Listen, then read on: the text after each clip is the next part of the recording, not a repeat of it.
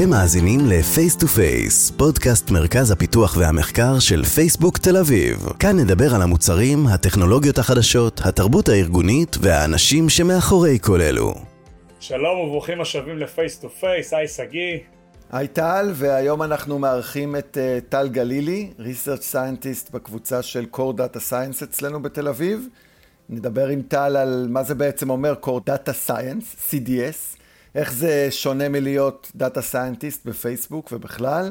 מה מביא חוקר בתחום המדעים המדויקים דווקא לפייסבוק? אז בואו נתחיל, היי טל, תציג את עצמך, מה עשית עד היום, איך הגעת לפייסבוק, אה, ואולי באמת המקרה הזה יותר מעניין מהרגיל. אז אה, שלום טל ושגיא, אני לא יודע אם יותר מעניין מהרגיל, נראה לי שכל מקרה אצלכם מאוד מעניין, אני מאוד אוהב להיות אה, ולהקשיב לפודקאסט שלכם ואני שמח להשתתף היום. אז בקצרה עליי, קוראים לי טל, אני בן 40, אני נשוי ואב לילדה מתוקה בת 4, אני פה בפייסבוק כבר קצת יותר משלוש וחצי שנים, בצוות של core data science כמו שאמרתם, ואני מחזיק בתואר של דוקטור לסטטיסטיקה מאוניברסיטת תל אביב, שנעשה בהנחייתו של פרופסור יואב בנימיני.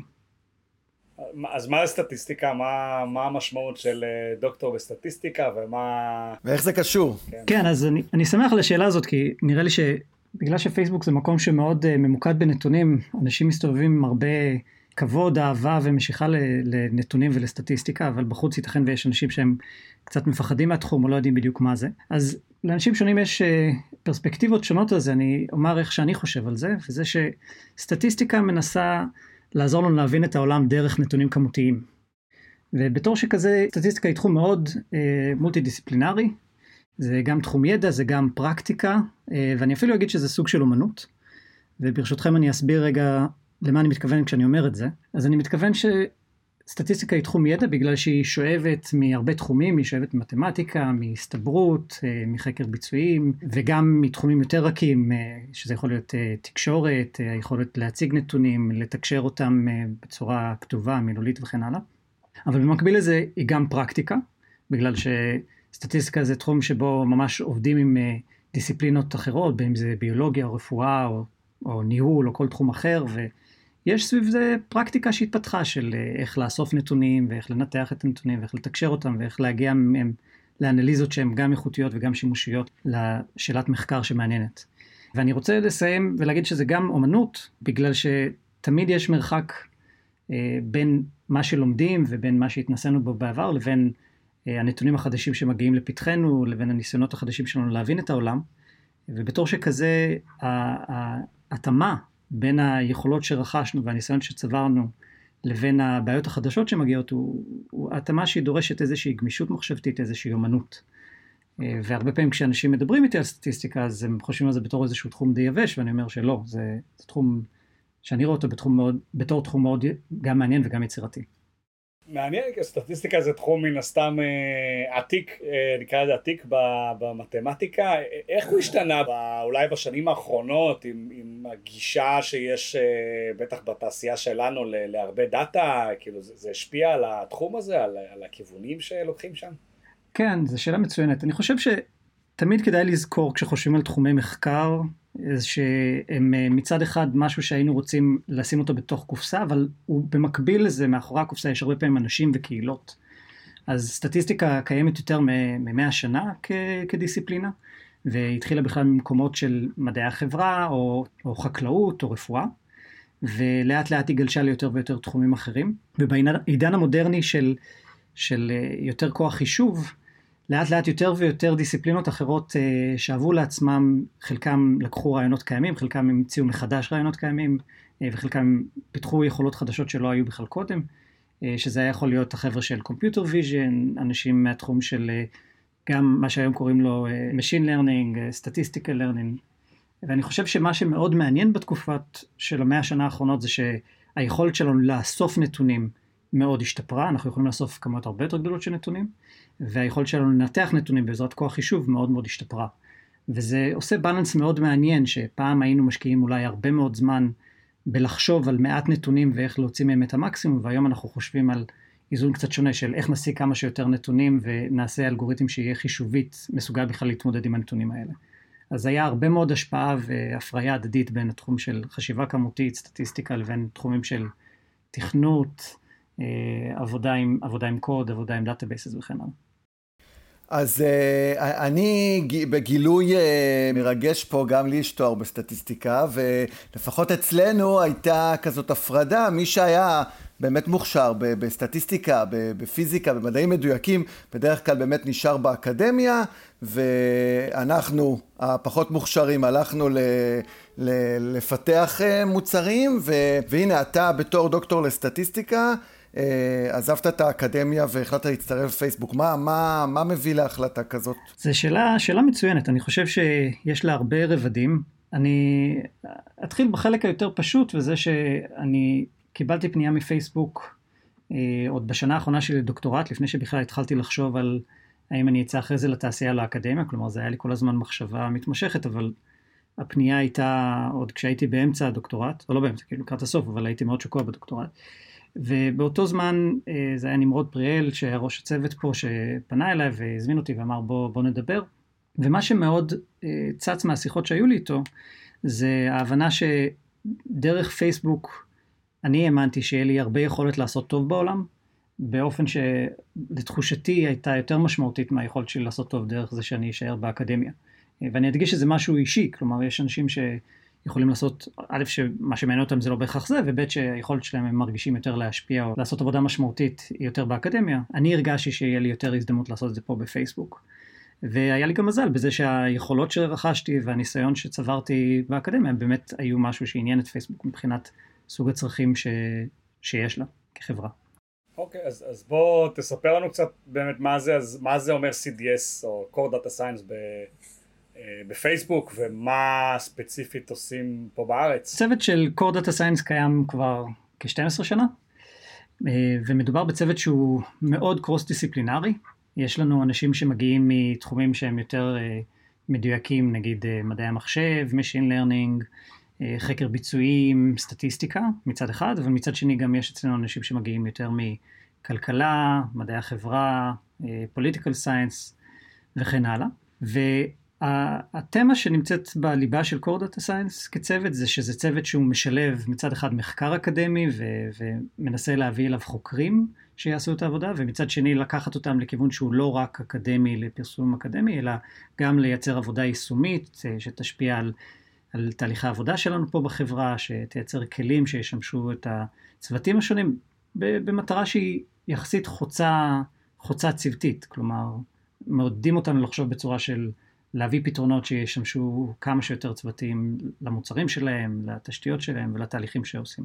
ויש יש איזשהו איזון שכל הזמן נשמר, אז אחרי זה כשנדבר על CDS מול צוותים אחרים פה, אז נראה שיש הרבה מאוד uh, קווי חפיפה ודמיון, אבל האיזון הזה שבין אקדמיה ופרסום אקדמי לבין אה, ניסיון לעשות עבודה שהיא יישומית ומשפיעה בשטח הוא איזשהו איזון שכל הזמן נמצא ב... ב אני לא יודע אם לקרוא לו קונפליקט, אבל איזושהי הדדיות. ועוד דבר שכדאי להכיר לגבי הצוות, זה שזה צוות שיש לו צורות עבודה שונות.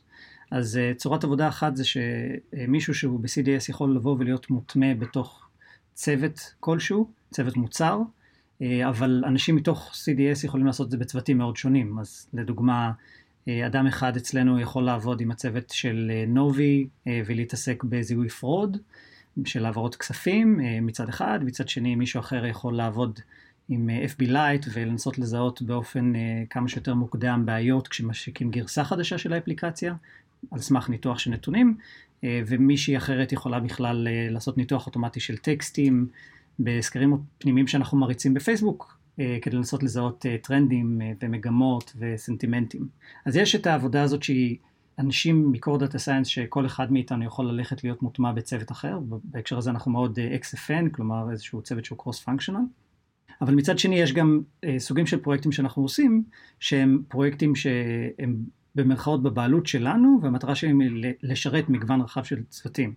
אז אני אדבר על זה אה, בהמשך קצת, שיש באמת מוצר שאנחנו עובדים עליו ספציפית בתל אביב, שהוא מוצר שמאפשר לעשות ניתוח של סקרים, והמוצר הזה זה, זה חבילת תוכנה פנימית שאנחנו מפתחים אותה, אבל היא משרתת הרבה חוקרים מהרבה צוותים מאוד שונים בפייסבוק.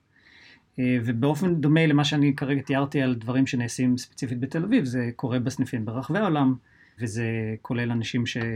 פיתחו תוכנות כאלה, והתוכנות האלה אחרי זה מצאו את דרכם להיות בקוד פתוח, ובאופן דומה אנשים שנמצאים בצוותים מאוד ספציפיים, גם כן במקומות אחרים בעולם, בין אם זה ניהול של מודעות ואיך לעשות bidding strategies, ואיך לטפל בכל מיני תכנים פוגעניים ולזהות אותם מוקדם. יש גיוון מאוד גדול. אני רק אגיד שאם אה, אתם לא יודעים מה זה נובי או FB Lite או פלטפורמת הסקרים שלנו, יש לנו פרקים מצוינים על כל אחד מהם ב-f2ftlv.com או באפליקציה, אה, כל הפרקים האלה זמינים. אז טל, אולי, אולי משהו לפני שסיפרת כאילו איך עובדים, ואנחנו כל הזמן אומרים core data science, ובפרק 13 דיברנו עם דרור גולדין על, על data scientist ומה הם עושים בפייסבוק, אז מה בעצם core data science שונה מ data science רגיל, גם בפייסבוק וגם בכלל? כן, זו שאלה מצוינת. אז אני אומר שיש בפייסבוק, בגלל שיש לנו כל כך הרבה דאטה ועבודה עם דאטה, אז יש הרבה מאוד אנשים שונים שעושים תפקידים עם הגדרות שונות שנוגעים בדאטה, שזה יכול להיות data engineers ו data scientist ו-ML engineer וכן הלאה. אז אני אתן דוגמה רק את הנושא של data engineers ו data scientist ואז אני אגיע ל-CDS. אני אגיד שהרבה פעמים באופן ארכיטיפי, כשחושבים על זה, אז חוש, אנחנו חושבים על זה ש data engineer הוא מישהו שנגיד מגיע אולי מרקע של הנדסת תעשייה וניהול, ומגיע אלינו והעיסוק שלו הוא לכתוב אה, קוד ו pipelineים שמעבירים דאטה מטבלה אחת לטבלה שנייה ולטייב את הנתונים בדרך הזאת ולהנגיש אותה. ואז שמישהו אחר שהתפקיד שלו הוא data scientist, שגם כן יכול להיות עם רקע מהנדסת תעשייה וניהול, אבל זה יכול להיות מגוון, זה יכול להיות גם כלכלה או סוציולוגיה או הרבה דברים אחרים, פסיכולוגיה. יבוא ויקח את הטבלאות האלה שה data engineer ארגן בשבילו ויסתכל עליהם וינתח אותם ויעשה אנליזות וגרפים וייתן הכוונות למוצר. אבל למרות שאנחנו חושבים על הארכיטיפים האלה בצורה הזאת, בפועל, כשמסתכלים על זה בשטח, הרבה פעמים יש, יש המון זליגה בתחומי האחריות. אז הרבה פעמים data אה, engineer יכול לעשות הרבה אנליזות אה, ודברים שדומים למה ש data scientist עושה, אה, ו data scientist יכול לעשות עבודה של לארגן את הדאטה ולטייב אותו ולהכין pipelineים ש data engineer עושה, ו dashboardים שניהם יכולים לעשות. אז יש הרבה מאוד הפריה הדדית. ובאופן דומה אני יכול גם להגיד שזה די נכון לגבינו ב core data science, כלומר כשאנחנו עושים עבודה שמטרתה היא להבין את העולם דרך ניתוח נתונים, אז אנחנו מוצאים את עצמנו צריכים לוודא שאנחנו מרגישים בנוח לארגן pipelines שמארגנים data מטבלה אחת לאחרת ולטייב אותו בדרך כדי שהוא ישמש אותנו בהמשך. אה, ואנחנו צריכים להרגיש בנוח עם לעשות אנליזות. ואיך שאני חווה את זה אה, בזמן שלי פה, אחד הדברים המאוד מעניינים הם במהלך העבודה כל פעם לזהות, מצד אחד להרגיש בנוח עם לעשות דברים כאלה, מצד שני לזהות הזדמנויות שבו אתה אומר, אוקיי, זה רכיב עבודה שאני יכול להגדיר אותה היטב, אני יודע ש data engineer או data scientist בצוות יוכל לקחת את זה על עצמו, להביא את זה אליו, ואז לזהות איזה רכיב נשאר ש, שאין מי שכרגע יוכל לעשות אותו עם הרקע המתאים וש, ושאני כן יכול. וספציפית, נגיד בסוג העבודה שאני עושה, הרבה פעמים זה יוצא שיש לי עבודה מסוימת שהיא DE או DSית, או, או אני עוזר להגדיר את העבודה הזאת, אבל אז יש רכיבים שהם יותר מתודולוגיים, של מידול סטטיסטי, של uh, התוויית מטריקות, ואולי לבנות איזשהו, איזשהו תהליך של ניתוח מתמשך, שזה הרבה פעמים רכיבים שאולי יישארו בצד שלי. ואני, ואני שם לב שהתופעה הזאת מתרחשת גם אצל אנשי צוות אחרים, כלומר שהם מגיעים עם סט יכולות שהוא משיק עם יכולות של אנשי צוות אחרים, וכל פעם יש איזושהי דינמיקה כזאת שמנסים להבין מה אנחנו נעשה, כי זה כבר יהיה יותר מהיר שאנחנו נעשה את זה, איזה רכיב אנחנו יכולים לייצא אותו החוצה. אה, ובהקשר הזה אז, אז אני אגיד שיש דברים שאנחנו עושים שהרבה פעמים אני לא רואה DSים עושים, שזה יותר מידול, סטטיסטי נגיד לצורך הדוגמה, אבל יש רכיבים שאנחנו יכולים לעשות והם יכולים לעשות ויש איזושהי עבודה הדדית כזאת של מי עושה מה מתי. ונגעת קצת ב-Machine Learning Engineer, זה איך זה שונה ממה שהם עושים?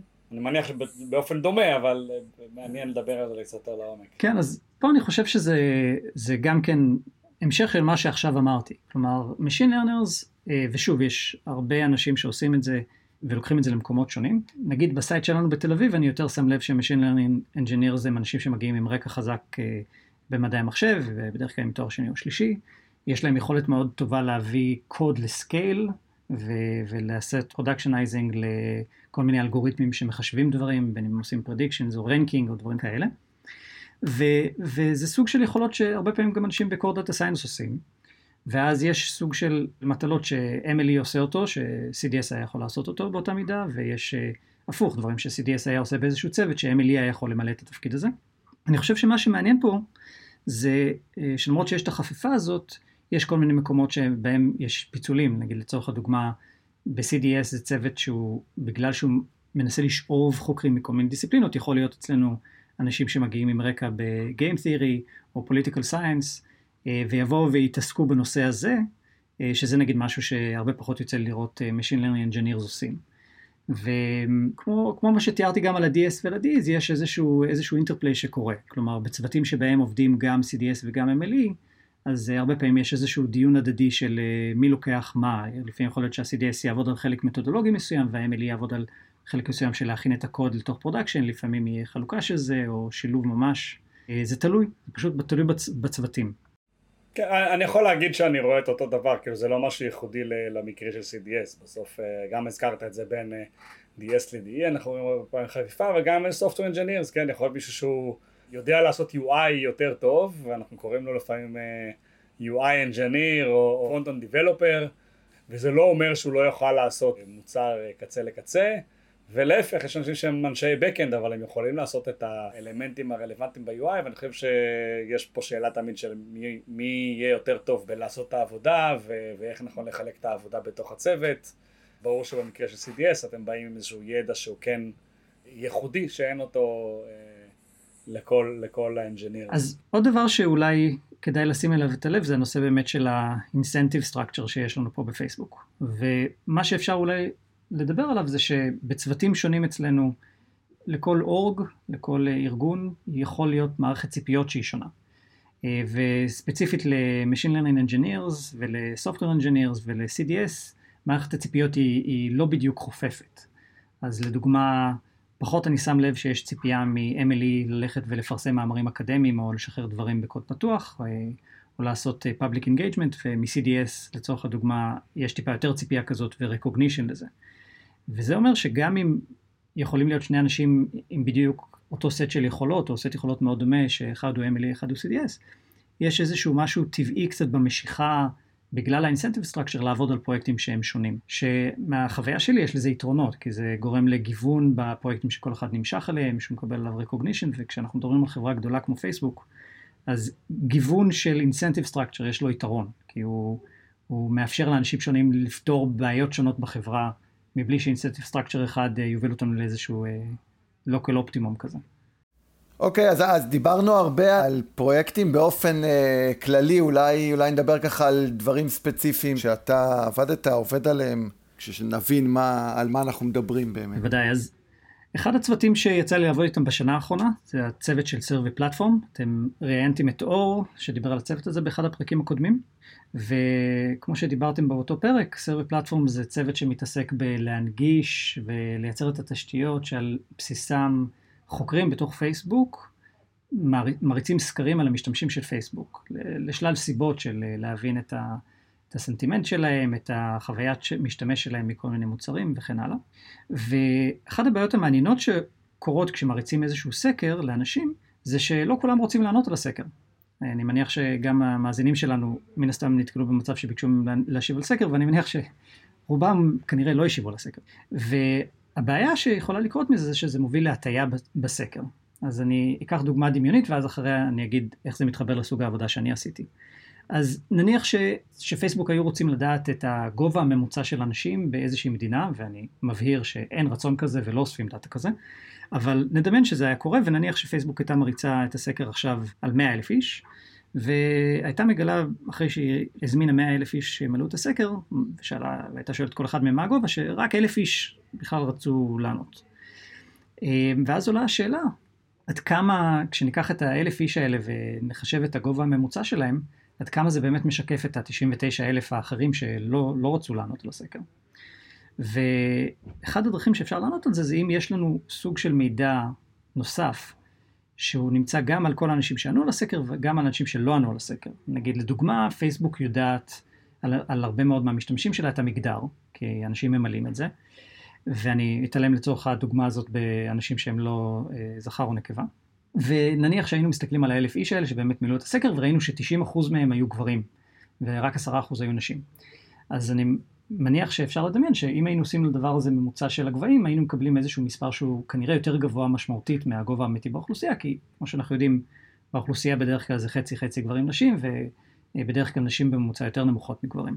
אז אם יש לנו מצב כזה, שבו יש לנו אי השבה משמעותית, נגיד אלף איש מתוך מאה אלף איש, ואנחנו יודעים את המידע הנוסף הזה לדוגמה מגדר, אפשר לדמיין שאפשר לקחת את המידע הזה ולנסות לתקן את ההטייה הפוטנציאלית שנובעת מתוך החוסר איזון הזה. נגיד לדוגמה, אנחנו יכולים לבוא ולהגיד אצלנו בדוגמה הדמיונית הזאת, 90% מהמשיבים היו גברים, אבל אנחנו יודעים שבאוכלוסייה זה נגיד חצי חצי, אז אפשר לקחת את כל הגברים, לתת להם משקל נמוך יותר בחישוב הסופי של הממוצע, ולאזן את זה ככה שזה אה, יהיה ממוצע נפרד לגברים, ממוצע נפרד לנשים, ולאזן אותם ביחד.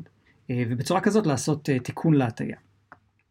אז כל זה היה דוגמה דמיונית כזאת, אבל הדוגמה הדמיונית הזאת מתרחשת בסקאלה יותר גבוהה בפייסבוק. כלומר, בפייסבוק מריצים המון סקרים על בסיס יומי, ובסקרים האלה יש באופן טבעי אחוזי השבה משתנים, ואחוזי השבה המשתנים האלה הם גם כן שונים בין הרבה מאוד סוגים של, אנחנו קוראים לזה covariates, או או coefficients, כלומר variable זה יכול להיות גברים או נשים, או הטלפון שהמשתמש משתמש בו, או המדינה שממנה שאלנו אותו.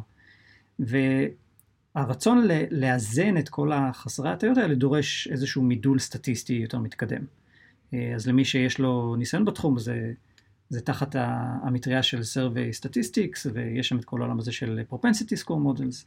אז לא ניכנס לזה, אבל מה שאני עשיתי, ביחד עם... Uh, עם אנשים אחרים אצלנו בצוות, אה, שזה להתבסס על חבילות שאנחנו מפתחים, שזה מוצר פנימי שנקרא גרביטון, שהמוצר הזה זה חבילת תוכנה שיודעת לקחת אה, נתונים כאלה של סקר ולייצר אוטומטית משקולות שמאזנות על פני כל מיני דמוגרפיות של אנשים שאנחנו יודעים גם על אלה שהשיבו וגם על אלה שלא השיבו.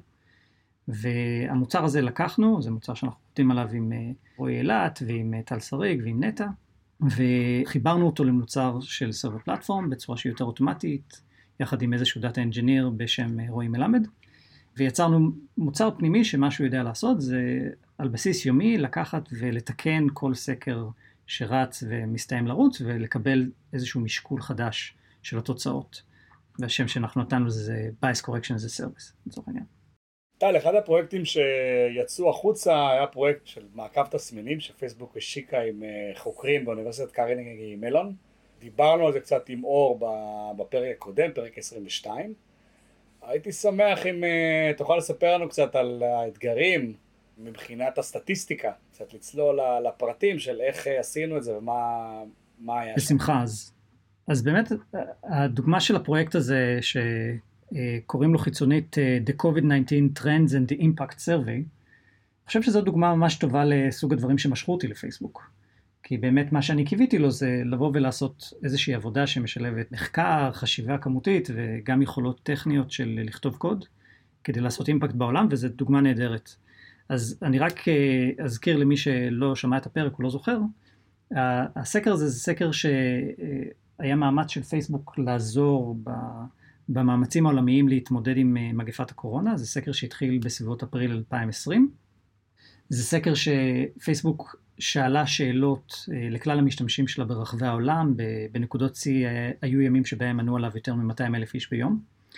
ונכון לכיום, ממה שידוע לי, השיבו על הסקר בארצות הברית יותר מ-21 מיליון איש, ועוד 55 מיליון איש מ-114 מדינות אחרות ברחבי העולם.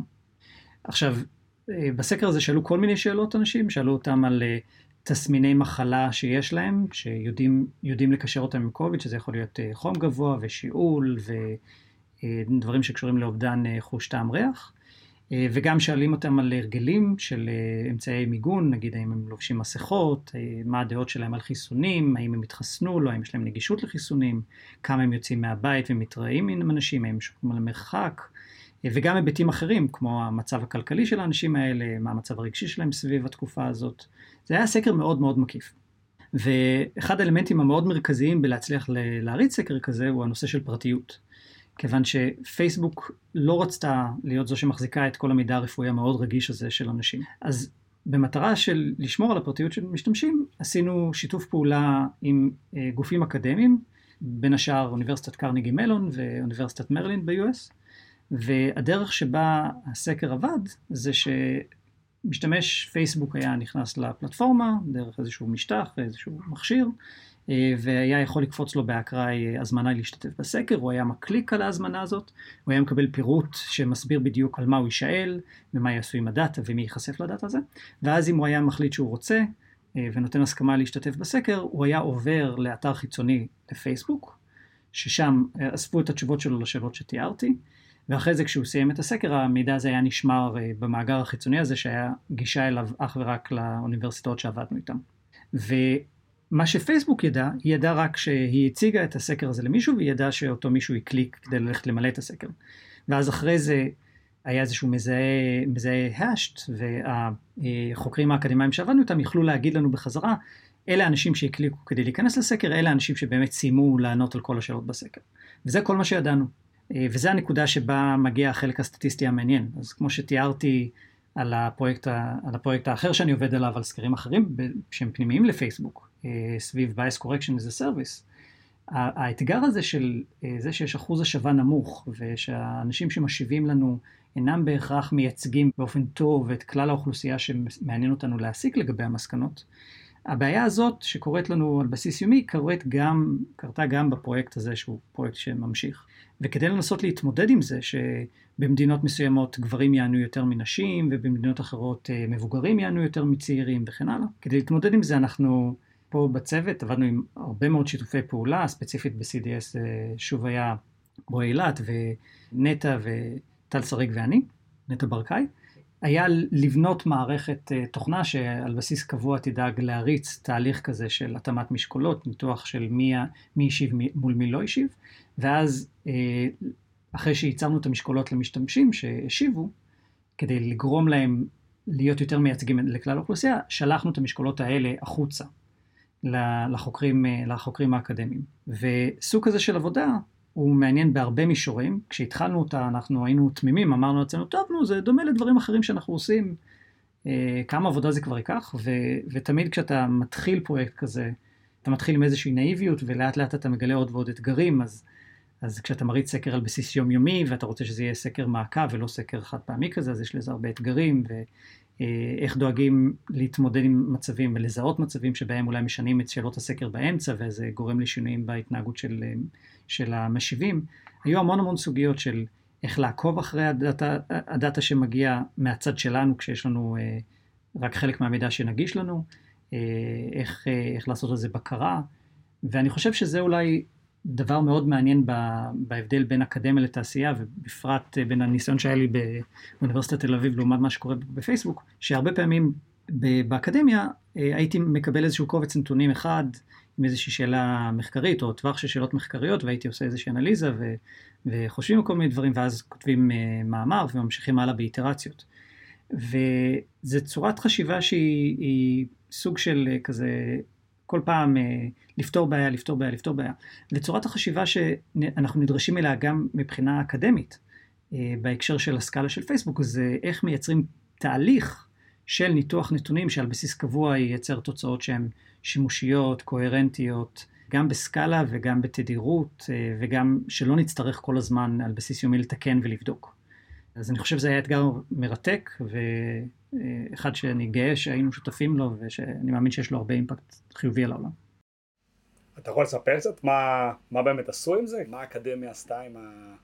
או לא האקדמיה, עשתה עם הדאטה הזה? כן, בטח. אז היה, פעם אחרונה שבדקתי בשנה שבה הסקר רץ, אה, יש לפחות 60 מכוני מחקר אקדמיים וארגונים ללא מטרות רווח, שהשתמשו במידע הזה שאנחנו מייצרים על בסיס יומי. הם גם משתמשים בו כדי אה, לייצר אתרים אינטראקטיביים שמראים אגרגציות של עבור אזור מסוים, כולל ישראל, אה, כמה אנשים מדווחים על תסמיני קורונה לאורך זמן, ואפשר לראות את זה אה, ממש לאורך השנה האחרונה.